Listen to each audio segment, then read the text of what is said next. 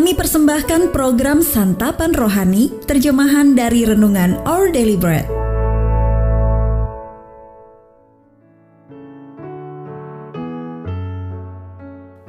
Sahabat ODB, pembacaan Alkitab hari ini terambil dari Yohanes 8 ayat 39 sampai 47.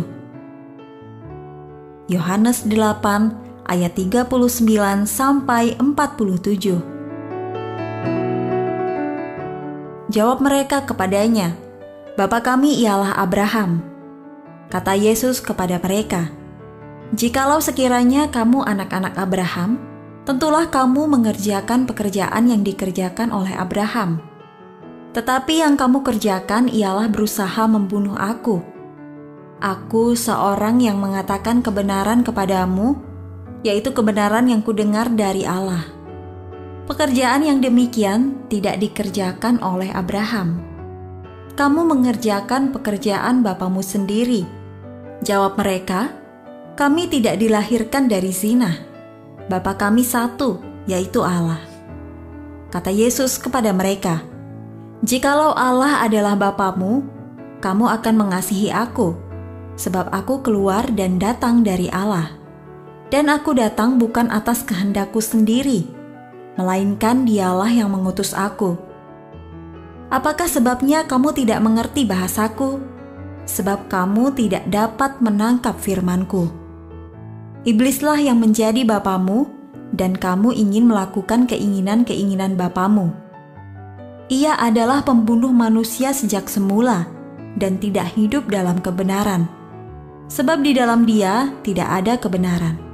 Apabila ia berkata dusta, ia berkata atas kehendaknya sendiri, sebab ia adalah pendusta dan bapa segala dusta. Tetapi karena aku mengatakan kebenaran kepadamu, kamu tidak percaya kepadaku. Siapakah di antaramu yang membuktikan bahwa aku berbuat dosa? Apabila aku mengatakan kebenaran, mengapakah kamu tidak percaya kepadaku? Barang siapa berasal dari Allah, ia mendengarkan firman Allah. Itulah sebabnya kamu tidak mendengarkannya, karena kamu tidak berasal dari Allah. Ayat emas renungan hari ini terambil dari Yohanes 8 ayat 44. Apabila iblis berkata dusta, ia berkata atas kehendaknya sendiri, sebab ia adalah pendusta dan bapa segala dusta. Renungan hari ini berjudul Bapa Segala Dusta. Ditulis oleh Mike Whitmer.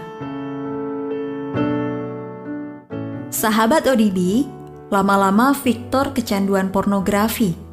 Banyak temannya menyukai pornografi dan akhirnya ia terjerumus juga. Namun sekarang ia mengerti kalau itu salah. Ia berdosa terhadap Allah dan kebiasaan itu melukai hati istrinya. Ia berjanji akan menjaga hidupnya sehingga ia tidak akan melihat hal-hal cabul lagi. Namun ia khawatir tindakannya itu sudah terlambat. Dapatkah pernikahannya diselamatkan? Mungkinkah ia kembali bebas dan sepenuhnya diampuni? Musuh kita si iblis menawarkan godaan seolah-olah itu bukan masalah besar. Semua orang melakukannya. Apa bahayanya? Namun, begitu kita tahu niat jahatnya, iblis mengatakan hal lain lagi. Sudah terlambat, kau sudah terlalu jauh melangkah. Tidak ada harapan lagi sekarang. Si musuh akan mengatakan apa saja untuk menghancurkan kita saat kita masuk dalam peperangan rohani. Yesus berkata, "Iblis adalah pembunuh manusia sejak semula dan tidak hidup dalam kebenaran." Sebab di dalam dia tidak ada kebenaran.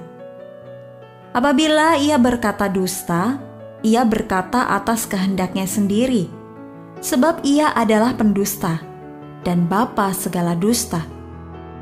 Jika iblis adalah pendusta, maka kita tidak seharusnya mendengarkannya. Kita tidak perlu menurutinya ketika ia berkata bahwa dosa kita bukan masalah besar, dan juga ketika ia berkata sudah tidak ada harapan lagi bagi kita. kiranya Tuhan Yesus menolong kita untuk menolak perkataan iblis dan hanya mendengarkan Dia. Marilah menghayati sungguh-sungguh janjinya. Jikalau kamu tetap dalam firman-Ku, kamu benar-benar adalah muridku, dan kamu akan mengetahui kebenaran, dan kebenaran itu akan memerdekakan kamu. Sahabat ODB, ingatlah, dosa apa yang membuat Anda merasa putus asa? Menurut Anda, siapakah sumber keputusasaan itu? Iblis atau Tuhan Yesus? Janji apa dari Alkitab yang ingin Anda pegang dan raih hari ini? Tuhan Yesus, Engkau mati dan bangkit kembali untuk membebaskan aku dari belenggu dosa. Tolonglah aku untuk hidup dalam kebebasan itu hari ini.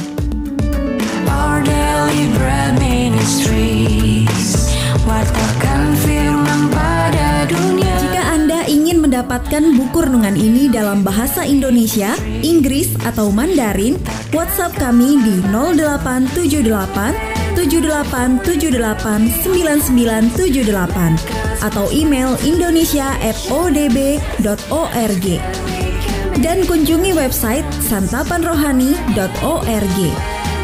Persembahan kasih dari Anda memampukan All Deliberate Ministries menjangkau orang-orang agar diubahkan. Tuhan memberkati.